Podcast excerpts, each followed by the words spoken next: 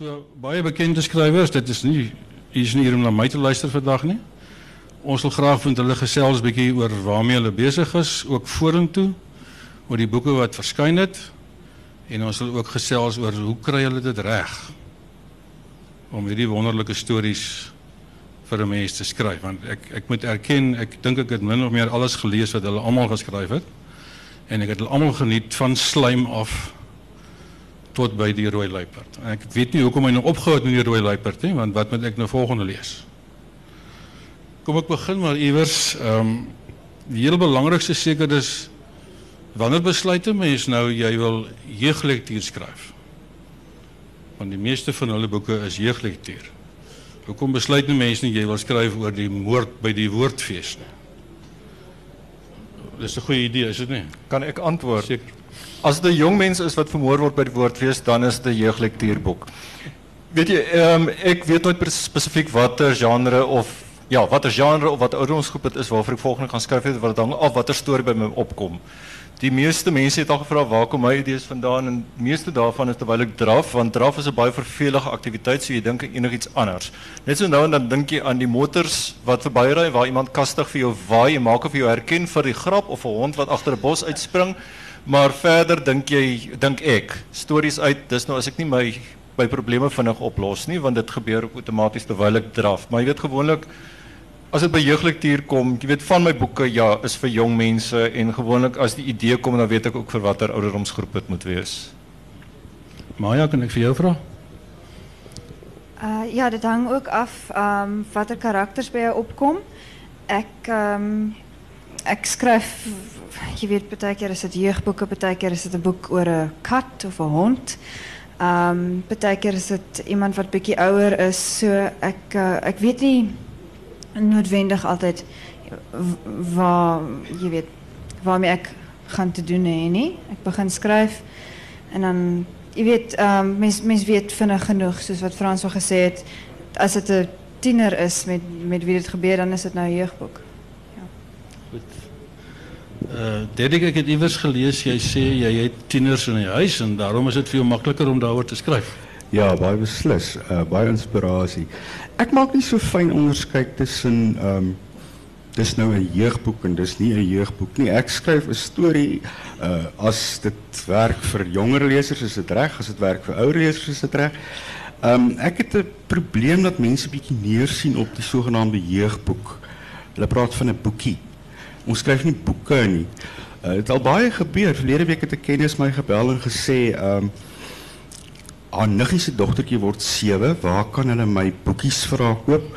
En ek voel baie geafronteer daaroor en uh, enerzijds maar net omdat ek bang is die arme kind kry dalk 'n breinbliksem in die kerskous wat nie heeltemal vir 'n kind bedoel is nie. So ja, ek maak nie vreeslike fyn skeiding tussen die goed nie. Fanny? Vir vir my is dit uh ook uh, jy kyk na die idee wat wat wat by jou opkom. Ehm as ek met die met die kinderboeke is die mark so fyn ehm dat dit binne 2 jaar 'n 8, 9-jarige daai boeke is nie dieselfde as weer vir 10, 11-jariges nie. So as ek skryf dan moet jy presies weet vir watter ouderdomsgroep jy omtrent gaan skryf. By tieners is dit bietjie moeiliker. Um, baie uitgewers reken of mense reken jy skryf 'n jeugverhaal en met ander woorde dit is vir tieners bedoel. Maar ek kom agter dat sommige boeke vir tieners, mense moet amper die tiener ehm mark ook so in twee deel, 'n vroeë tienerstadium en 'n laat tienerstadium. Ehm um, so vir die vroeë ouens kan jy nog ehm lekker boekies uh, gaan skryf. Dis bietjie langer, daar's nie illustrasies gewoonlik in nie. Ehm en die onderwerpe is is iets wat jy vir 'n kind in die hand kan stop, jy hoef nie bekommerd te wees daaroor nie, maar uh, vir die ouer ouens dink ek daar kan jy hulle bietjie meer uitdaag. En en dis waar die idee inkom. As die idee bietjie weet jy jou kop kry bietjie rowwer begin raak, dan weet jy okay, dit gaan bietjie meer vir die toppunt van die van die tieners uh, bedoel wees. Uh baie dankie om daarbey aan te sluit.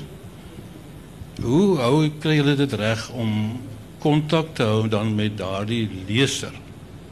Want dit gaan oor 'n sekere soort taalgebruik, dit gaan oor 'n sekere soort tema. En in my geval nou sê ek baie sukkel om vir 'n tiener 'n boek te skryf. Ek weet nie meer hoe werk hulle koppe nie. So hoe bly mense in kontak met daardie leser van jou? Kan ek by Derek begin? Uh ek dink nie tieners is hierdie groep mense met almal dieselfde kenmerke nie. Dis 'n klomp individue. So ek dink nie mense moet spesifiek dink om anders te skryf as jy vir 'n tiener skryf nie. Uh, ek dink byvoorbeeld die tieners praat meer Engelse woorde as wat Afrikaans sprekers dit doen nie. En dit is die eerste ding wat opval in 'n jeugboek wat vir my nie werk nie. As jy kan sien maar hierse ouers skryf dan baie funky dialoog skryf wat dan nou mooi geluister het en als gegoogel het en so aan. Ek dink ek moet met dit spontaan doen. Uh, Weerens ek dink nie dis nodig om 'n eng skeidings te maak tussen groeperings en ouderdomme nie. Ehm um, wel uh, vir my ehm um, kom kom baie daarvan van hoe ik onthou, hoe, uh, hoe ik gevoel het op die ouderdom. Um, dat is een baie levendige kind, een baie levendige tiener binnen mij. Dat, uh, je weet, dat wil niet weggaan nie. Dat is goed zo. Um, so, soos mensen in Engels sal sê, I draw on that. Uh, en verder is ek 'n baie fyn waarnemer dink ek omdat ek baie skaam is. So is vir my moeilik om met mense um gesprekke aan te knopen wat ook al so ek ek is 'n bietjie van 'n eavesdropper. Ek sal in 'n coffee shop gaan sit en jy weet mense afluister. Um skrywers doen dit, jy weet. Um en en so hoor mense hoe praat uh mense en um kweek maar 'n aanvoeling daarvoor aan. Ja, ek voel ook 'n mens moet nie te hard probeer nie. Want as 'n kon as jy te hard probeer, gaan gaan baie duidelik wees jy probeer hard. En ook sê net maar jy gebruik die gonswoorde wat op die oomblik in omloop is, dan oor 'n jaar is dit nie meer nie. Ek wil amper sê teen die tyd wat die boek verskyn, is dit nie meer nie en dan dadelik identifiseer die tieners dit as oudtyds want dit is goed wat hulle weet 'n paar maande gelede gewild was. Dis amper ek voel amper dieselfde oor politieke romans.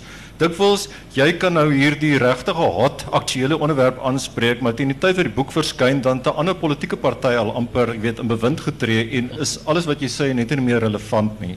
So ek voel ja, die ding is ons het almal geheus van wat vir ons interessant was toe ons tieners was en dieselfde goed bly interessant vir vandag se tieners. Die omstandighede verander en daar is meer goed vir hulle beskikbaar en daar's meer uitdagings, daar's meer geleenthede, daar's meer van alles. Maar die tiener self, die mens self, jy weet ons het tog nie verander nie. Jy jy reageer nog op dieselfde manier teenoor jou input sal ek maar sê. Ja, so ek voel jy skryf soos wat jy wil en ook wat ek ook baie keer doen is ek maak eenvoudige paar woorde op. Dan weet ek ten minste dit gaan nie woorde wees wat hulle al vergeet het of waarvoor hulle moeg is nie. Ek dink my kontak met tieners uh, kom maar uit skoolbesoeke en jy kom nogal waaroor wa, wa praat uh, die jong mense vandag wat wat is hulle probleme en jy koppel dit aan dit wat uh, jou probleme was op laerskool die goed wat vir jou belangrik was wat jy gekry het of nie gekry het nie. Ehm um, vandag help Facebook nogal geweldig. Ehm um, want baie van ons die ouens wat ons boeke lees is op Facebook. Daar's so 'n gewellige klomp ouens op Facebook wat sê Breinbliksem is een van hulle gewildste boeke. So jy weet, dit is dis dis waar jou mark lê en jy kyk hoe hulle met mekaar praat. Watse inskrywings het hulle byvoorbeeld op Facebook en dit is 'n ek stem saam met Maya oor die die afluister ding. Mens kan lekker luister. Ek hoor so in die gym baie keer hoe hulle met mekaar praat. En baie keer dan praat hulle met jou en dan sê hulle noem hulle jou oom en dan dink jy o mense ek raak net te oud ek moet nou maar boeke begin skryf vir ouer mense maar hulle noem jou ten minste nog die oomie so dit is nog oké. Ehm ja maar dit is lekker maniere om in kontak te bly met hulle en natuurlik uh, so af en toe waag iemand dit om vir jou e-pos of iets te stuur. Ja, dis amper meer baie keer 'n manier van 'n manier van dink wat jy afkyk as wat jy afluister na die taal. Dus meer die manier van sien maar Facebook bijvoorbeeld, die manier van communiceren of met elkaar of met jou. Ek is ook op die oomblik om vir mense 'n uh, webruimte te administreer wat nou, ag ek kan maar sê dis die Hip to be 2 Foundation en dit is almal jong mense wat nou toevallig belangstel in wetenskap en wiskunde wat nou nie my sterk vakke was nie en ook nie sou gewees het as ek voortgegaan het met hulle nie, maar hulle manier van dink, jy weet is is vir my baie interessant en dit is dikwels ook wat makliker is van die ouer tienergroep is hulle dink al soos jong volwassenes. Met ander woorde, jy hoef nie te downtown nie. Baie keer vind ek wel as ek vir jong lesers skryf, dit help as die as die redakteur daarom net sê nee, dit werk nie, dit werk nie en so aan. So mense het baie lekker vang net as dit by redakteurs kom. Ik denk met die, met die jong mensen se boeke ook, ekskuus, uh, jy hou ook uh, tydskrifte en koerante en so aan dop en kyk wat se onderstroming is daar in die samelewing. So jy weet, dit is die goed wat uiteindelik na die oppervlak gaan kom en ehm dit is uh goed dat jy in boeke kan gaan aanspreek. Ehm en dan moet jy natuurlik die tieners by dit uitbring, ehm um, by by. Uh, om daarbij aan te sluiten, die idee van uh, redigeerder, van een redacteur, uitgever, wat een rol speelt dit in jullie schrijfwerk? Ons het hier die, die vang net half nee, van kijk naar stijl en, en die soort dingen. Spelen een grote rol uiteindelijk in die product wat verschijnt? Uh, ja, eintlik is daar 'n hele klomp mense agter die skerms wat baie bydra om ons baie cute en fancy te laat lyk. Like. Uh Suzette daar by Tafelberg het bietjie die taal bekyk en so half hierdie na sê ag dis nou 'n onnodige paragraafie wat jy met baie hartseer maar laat gaan. Daar is mense wat help en kyk, hulle respekteer jou mening as jy sê nee, dit moet in, dan sal hulle dit so aanvaar. Maar hulle help baie, ja. Hulle ken ook die mark en uh, hulle weet as 'n ding werk en nie werk nie. Uh, ja, mensen het altijd een tweede, derde, vierde oog nodig. En um, die, die redacteurs is wonderlijke mensen wat... Um, mensen praten min oor hulle. Mensen hoor nie, mense hoor nie van hulle nie. Hulle die unsung heroes en um, hulle red jou maar van jezelf. Dat is al wat ik daarover kan zeggen. Ja, wat ek ook al gedink het, dit sou baie regverdig wees dat as hy voor in elk boek staan, wie is die redakteur wat daarmee gewerk het. Jy weet aan nou staan wat jy sien wie die voorblad en jy sien wie die boek geskryf, maar die redakteur wat my betref help jou skryf aan die boek want jy nou sê, hulle red jou van jouself. Daar daar's 'n partykeer baie embarrassing goeters. Ek wil nou nie dink nie hulle behoort so ver te gaan dat jy nou die keurder ook moet insit nie, maar dikwels sê die keurder ook vir jou hier is iets wat nie lekker is nie en dis baie goed dat daai persoon dit sê. Want die keurder is nou wel net een persoon, maar as iets vir een persoon hinder, dan kan daar dalk 100 mense daar buite wees vir wie dit gaan hinder. Uh, wat ek nogal agtergekom het wanneer jy 'n uh, 'n boek geskryf het, is jy so na aan daai storie dat jy later nie foute meer raak sien nie. So keerders en uitgewers help jou net om daai afstand te gee. Gewoonlik as daar enetjie tyd verloop het, dan raak dit ook makliker om daai foute ehm um, reg te stel. Soos Derek nou sê, jy's baie hartseer oor daai paragraaf wat jy moet uithaal. Partykeer moet jy 'n hele karakter uithaal wat nog hartseerder raak. Ehm um, en jy jy doen dit makliker as jy die afstand het en jy jy begin nie ehm uh, jy sien die boek net uit 'n ander oogpunt uit. Ek en Fanie het nog gepraat van Stephen King net voor ons hier ingekom het. Stephen ja. King, wat is dit on writing? Wat is die boek? Ja. On writing, daar gee jy die raad vir mense dat jy nie te veel moet uitrafel en torring en aangaan en aangaan oor sekere goed nie dat jy jouself moet kan redigeer en sekere goed wegsny. Wel, dis die raad wat hy vir ander mense gee, maar as jy nou kyk na die dikte van sy boeke, dan doen hy dit nie self nie en hy kan gerus, soos jy sê 'n kwart wegsny en dan dink ek moet iemand anders nog kom en nog 'n kwart wegvat en dan gaan dit regtig 'n goeie boek wees. Uh, met my prakties gebeur in Willem Poprok is daar 'n ineer tannie met 'n baie klein rolletjie speel, maar ek het haar tannie Raja genoem.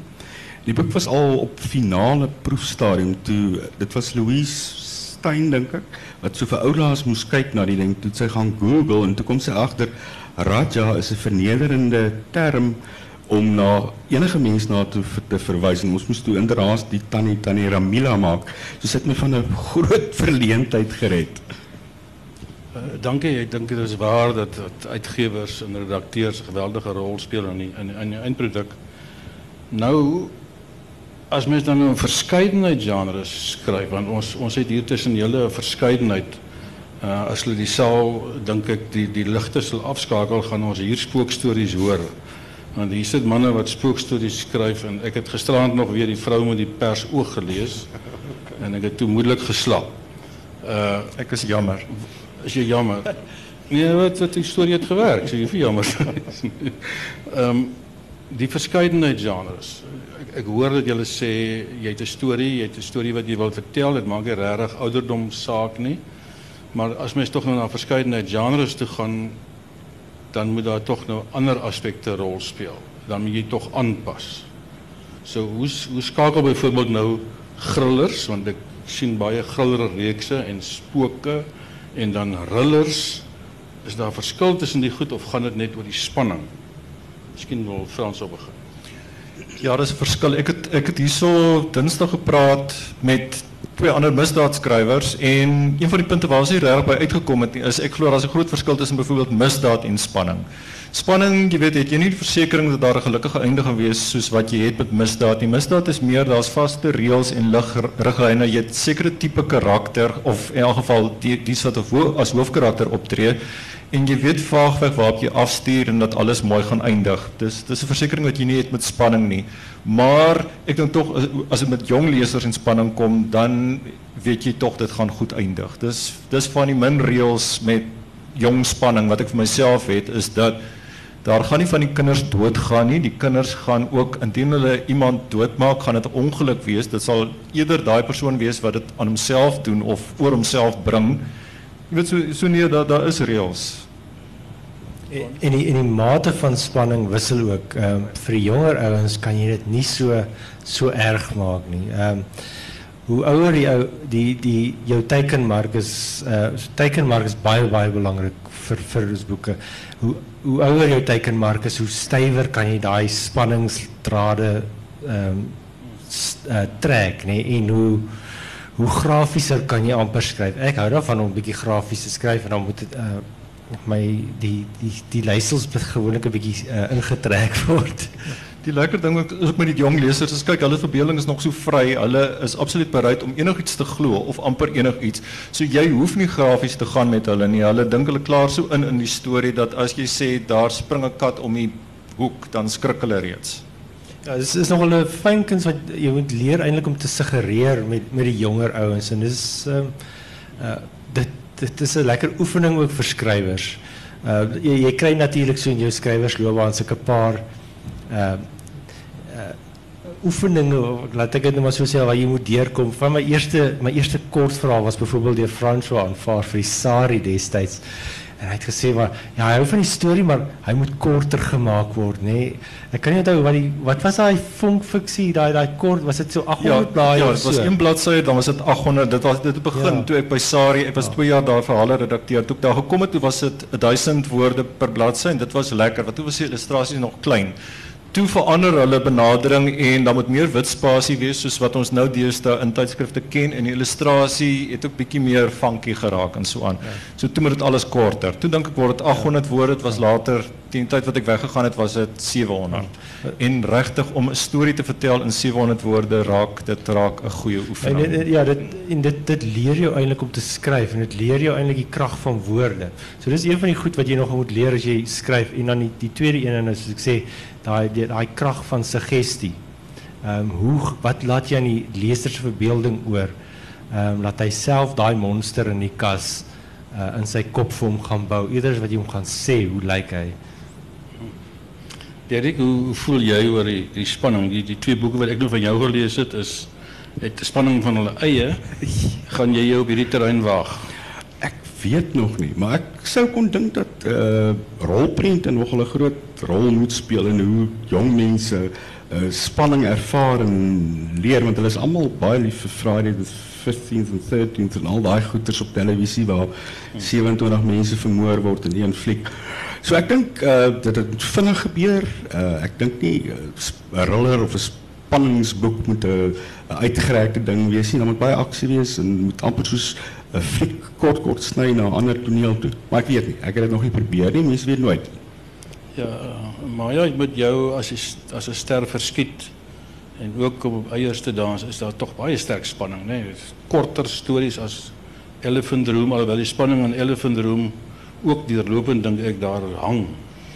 Ehm ja, daar is spanning. Ek dink enige verhaal enige boek daar buite is inderwaarheid een spanningsverhaal. Alhoewel, dit, je weet mensen het niet noodwendig zo gaan bemarken, nie, maar enige boek, um, dis, die, dis die spanning wat die lezer prikkel. Wat gaan gebeuren, je weet, um, wat heeft gebeur, wie dit gedoen. Uh, so, um, ek, uh, my, my is ook baie dikwels, um, begin skryf en dan laat ek die ding word wat hij wil.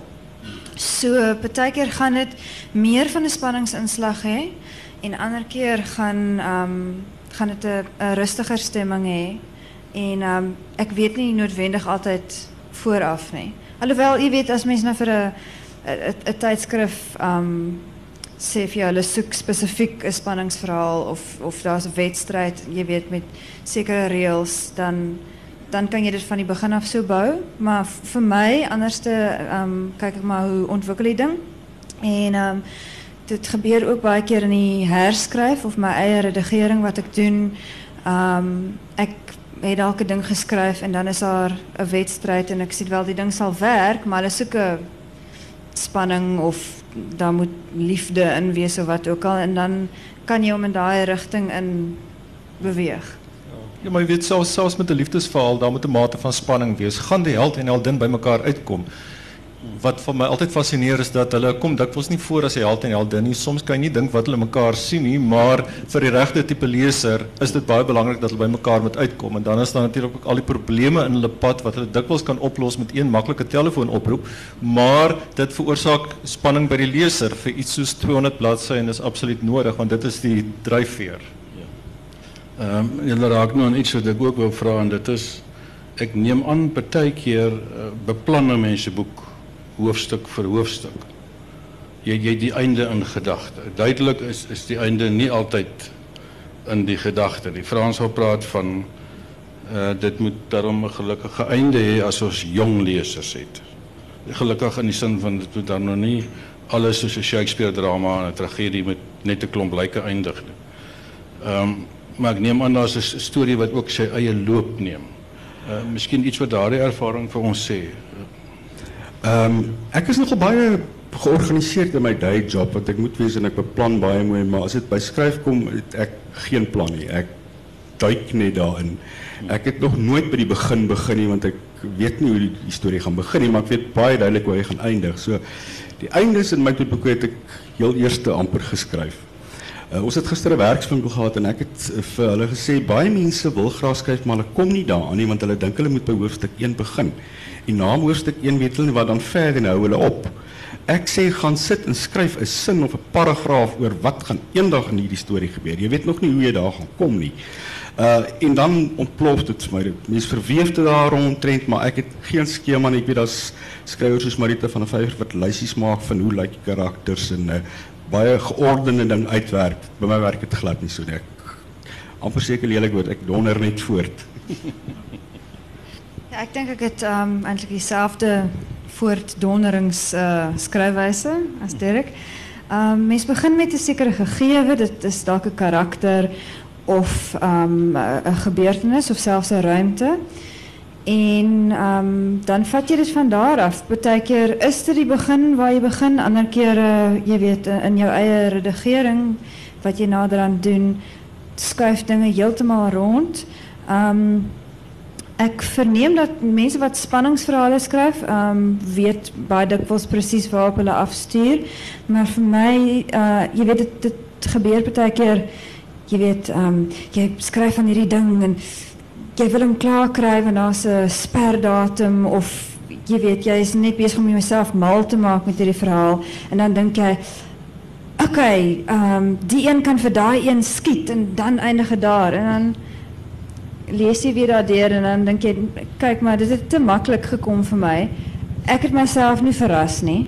Dit beteken ek gaan nie my lesers verras nie. So ehm daarom kan ek nie altyd um, begin, jy weet, met die einde begin nie, maar iemand het nou die dag vir my gesê dat John Irving wel, die manier wat hy sy boeke skryf, is hy begin met die heel laaste sin. En dan vat hy dit van daar af. So elke skrywer het 'n ander aanslag en as dit vir jou werk, dan great, dan werk dit. Ek gaan voortaan nie by John Irving boek kan verbykom sonder eers kyk hoe eindig nie. Dis my baie interessant om te hoor hoe julle dit doen. Ek gaan nou absoluut verklap hoe groot beheerverraad ek is want ek beplan dit absoluut alles voor die tyd. Ek ek kan byvoorbeeld nie begin skryf voordat ek nie die hele storie beplan het hoofstuk vir hoofstuk nie.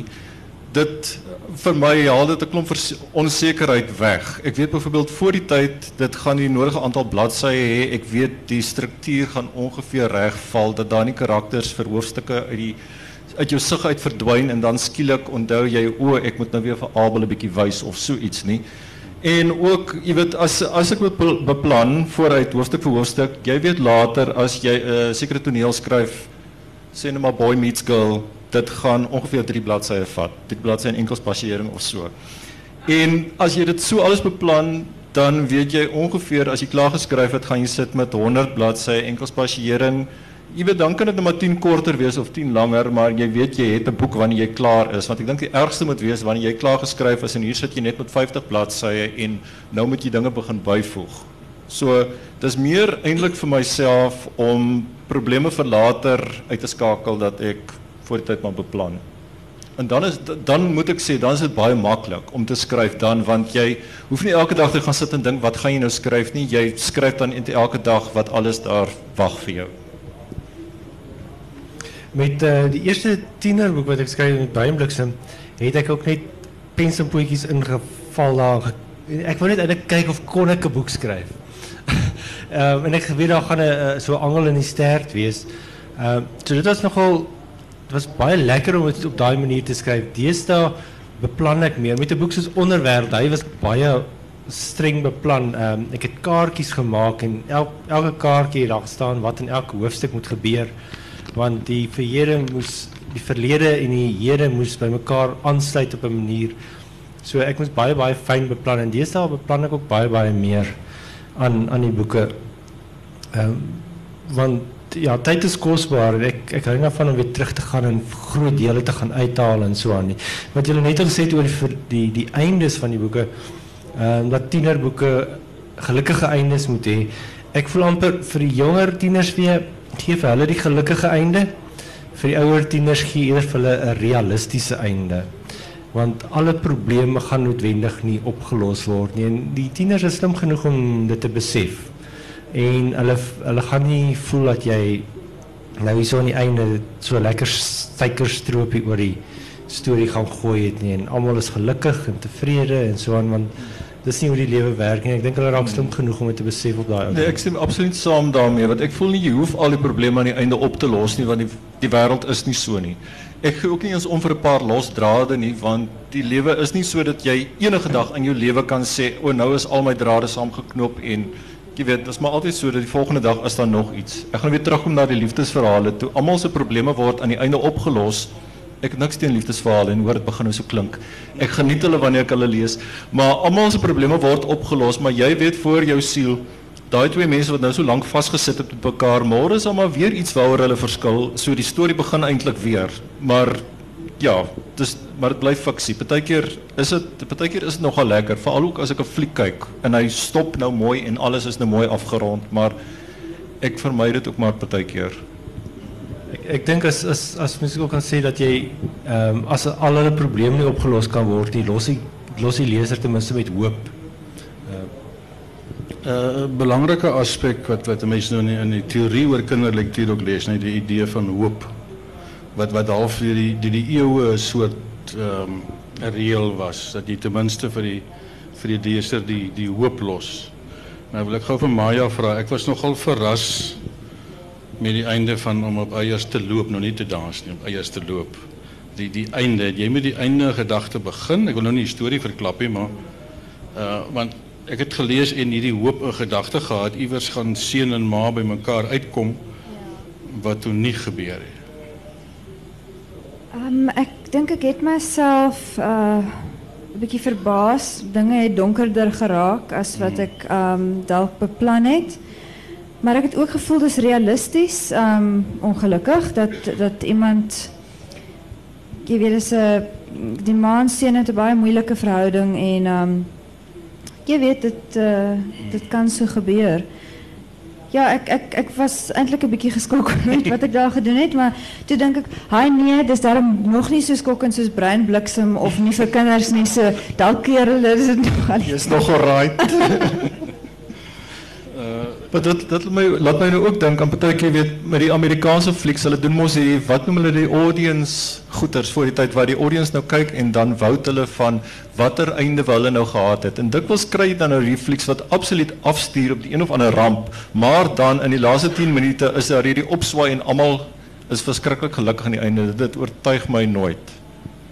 Ek dink 'n uh, mens se lewensfilosofie slaan maar deur en uh ek is nogal 'n ewige optimis. Ek weet nie aldag hoekom nie en so ek glo nog altyd dat ek gaan nog eendag skatryk wees en so ek dink daai ding slaan maar tog deur dat jy eindig dalk is daar nog 'n liggie voor in die tonnel. Uh, ons het ook hier van middel 90s af hierdie die boeke gekry, jeugboeke wat jy die keuses het.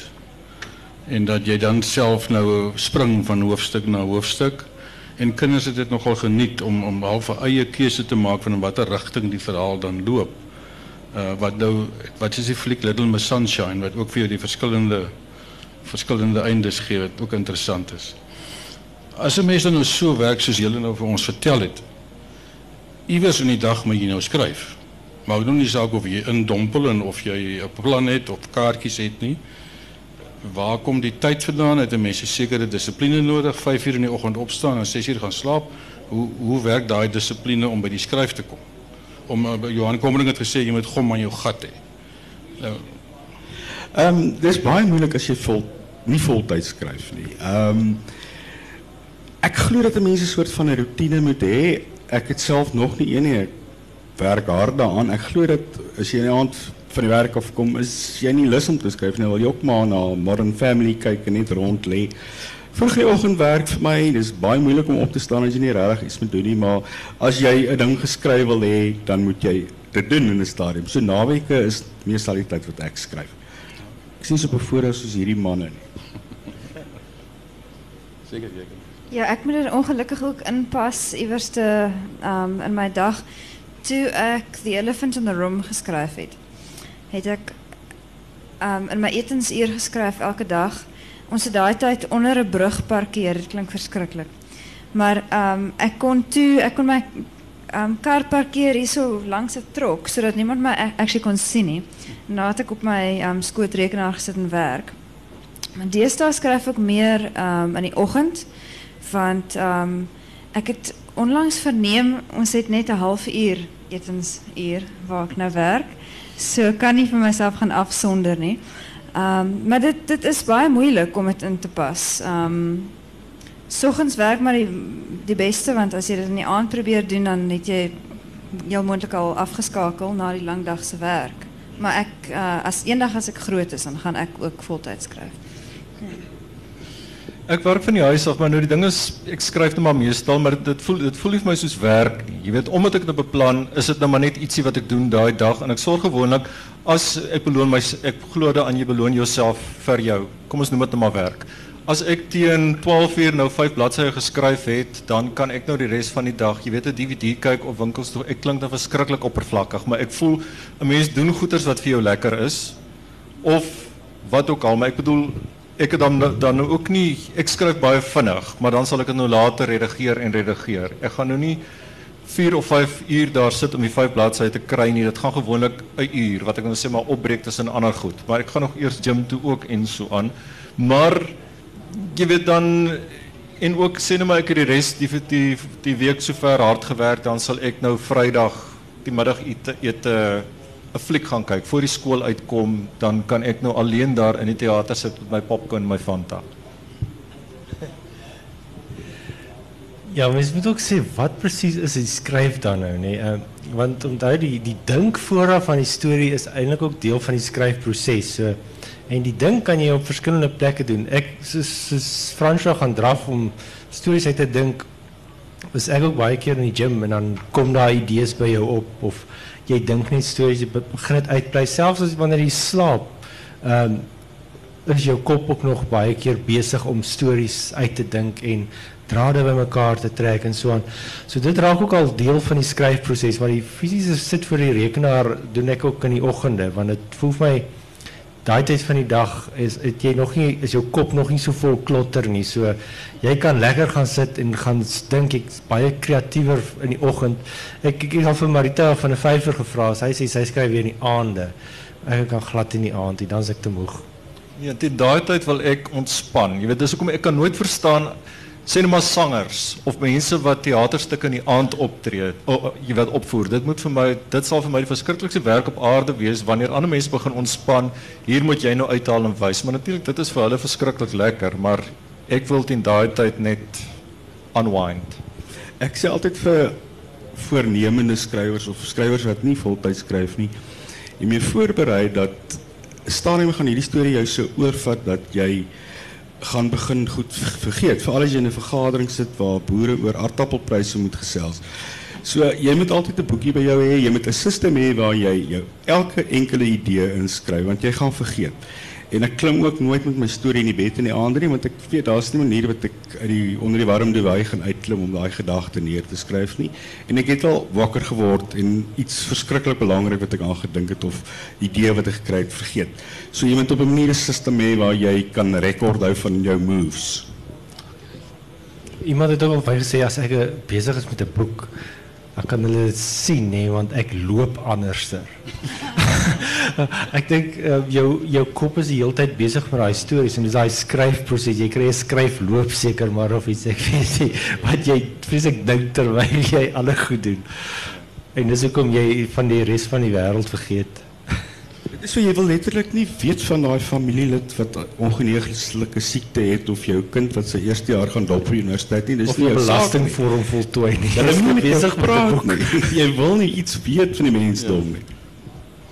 Uh, ek sien François skryf in een van sy boeke, ek dink is die onbekendes. Vir hierdie boek is geen navorsing gedoen nie. O, oh, moenie laat ek begin nie. Ons gaan nie vir jou vra nie. Maar ek neem aan mens moet mens moet iewers oor sekere goed navorsing doen. Uh, ek weet nie hoe Derek hoe jy uh, of jy langs die straat gaan staan en bedel het en jouself vermom het nie. Verlien se langstaan skoene of is, daar nog nie baie navorsing nodig? Weet jy nie, ek het nogal nie baie met mense gepraat wat fisies bedel nie vir praktiese redes want hulle staan op boeke waar jy nie kan parkeer nie. Maar ek het baie met mense soos motorwagte gepraat wat ook op 'n manier afhanklik is van die goedheid van die mensdom. En ja, ek het interessante stories gehoor en regtig oulike mense ontmoet. Uh, mense is geneig om te dink ou wat bedel is A, B en C en dit is glad nie so nie. Uh, ek het net baie respek vir ouer skrywers wat sonder Google moes klaarkom want uh, jy Google. Ek het nou onlangs 'n klomp goed oor skaapboerdery gegoogel en ek dink ek het as 'n oortuig oortuigende skaapprodusent in die manuskrip oorgekom. So ja, uh, navorsing is belangrik, maar daar's ook 'n ander kant mense is geneig as jy nou so verdiep geraak het in al hierdie feite en goed dat jy alles wil gebruik en dan raak dit bietjie boring want uh, die leser wil nie al daai agtergrond hê nie. Ja, dis 'n fyn balans. Ehm ek dink partykeer kan 'n mens se navorsing jou eintlik kelder want ehm dan begin jy te vasgevang raak in jy, jy weet daar's daar's feite wat jy voel jy moet oordra of so iets, maar eh, die die die idee agter skryf is dat jy jou verbeelding moet inspann en jy moet jou leser se verbeelding inspann en dit het al met my gebeur. Daar lê 'n paar goed in die laai waar ek so verknog het aan my navorsing dat dit die die storie werk net nie meer nie. Daar jy weet of daar gaan te veel aan of ehm um, die dis net nie nie. Daar's jy weet dis 'n dis 'n dooie stuk storie. Dis 'n dis iets wat jy vir 'n ensiklopedie kan gaan inlewer. Ehm ja, maar elke projek is anders en mens leer maar soos jy aangaan, maar ehm ja, moenie moenie te ver gaan met die navorsing nie dalk. Ek is bly maar jy noem dit nou, want dit is iets wat ek vas glo. Ek is nie bly dat dit in jou gebeur nie, maar jy weet dit is dit is vir my wat ek voel hoe meer navorsing jy doen, baie keer hoe stadiger die storie gaan staan absoluut. Want eens op 'n tyd voel ek daar was Daleen Matthee en sy het fantastiese navorsing gedoen, maar sy het die absolute vermoë gehad om dit soos 'n storie te laat klink. Die navorsing was net daar as jy weet as ruggraat. Nie eens dit nie, dit was daar iewers in die agtergrond. Jy het geweet die vrou weet presies waaroor sy skryf, maar die storie is die belangrike ding en dit dink ek gebeur dikwels dat 'n mens doen al hierdie navorsing, soos Derek nou ook gesê het en dan jy het nou die moeite gedoen en jy het hierdie fantastiese feite bymekaar gekry en nou sien jy kans om enige daarvan te laat vaar nie. En dan op die ou dan, dan dryf dit alles daarbo en jou arme storieetjie probeer nog spook en spatel hier onder, maar die ding kom net nie deur nie. En ook die ding met Google ook is ek voel as die leser regtig belangstel in 'n onderwerp, dan kan hy ook na Google toe gaan en al hierdie feite opdiep. Dit wat jy daar kry, enige iemand wat op Google gaan soek kan dit kry. So jy moenie net vir 'n klomp inligting gee nie. Jy moet jou jy moet daai inligting wat jy kry slegs gebruik om jou storie geloofwaardig te laat voel. Uh Fanny by by onderwêreld neem ek aan met die hacker want kuberkraker moes jy heelwat navorsing. Ek sien jou nie as 'n normale hacker. Nee, nee, ek ek het nog net iemand se Facebook profiel gehack uh om terug te kry vir 'n ander uh prank. Uh dit was nogal groot pret. Hulle sê was die ehm die swak in in enige netwerk is die mens. So ek het net sy vrou gevra, kry vir my sy paswoord Facebook. en dit was nogal lekker geweest. Ehm ja, ek het vir onderwêreld het ek ehm drie regte computerhackers gehad wat my gehelp met die storie.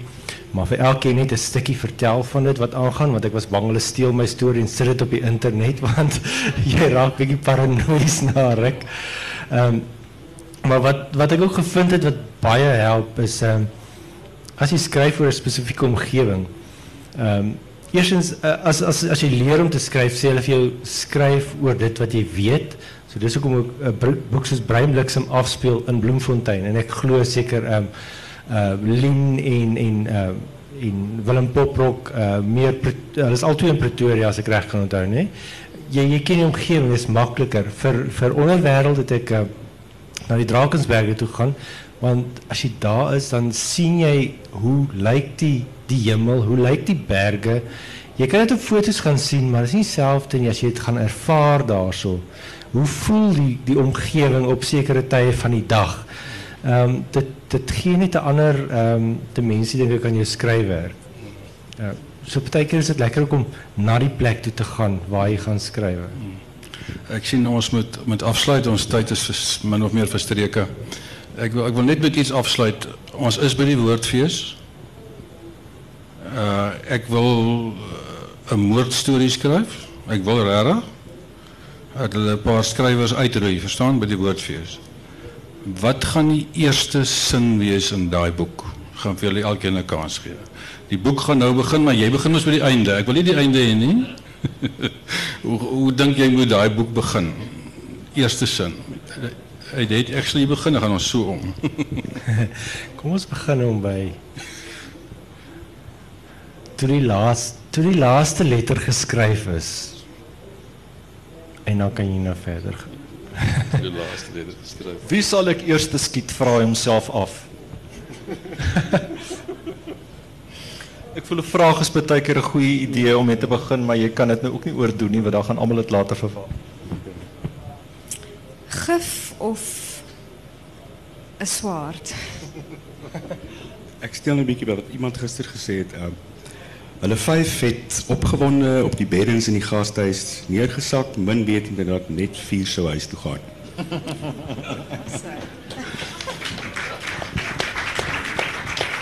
Uh dames en here, baie dankie aan ons skrywers vir hulle lekker gesels en, en dat ons die boeke wat ons het om te lees so kan geniet van my kant af baie dankie vir al die plesier wat hulle vir my verskaf. So persoonlik baie dankie. Dankie vir almal wat hier was. Rustige dag vir u verder. Thank you.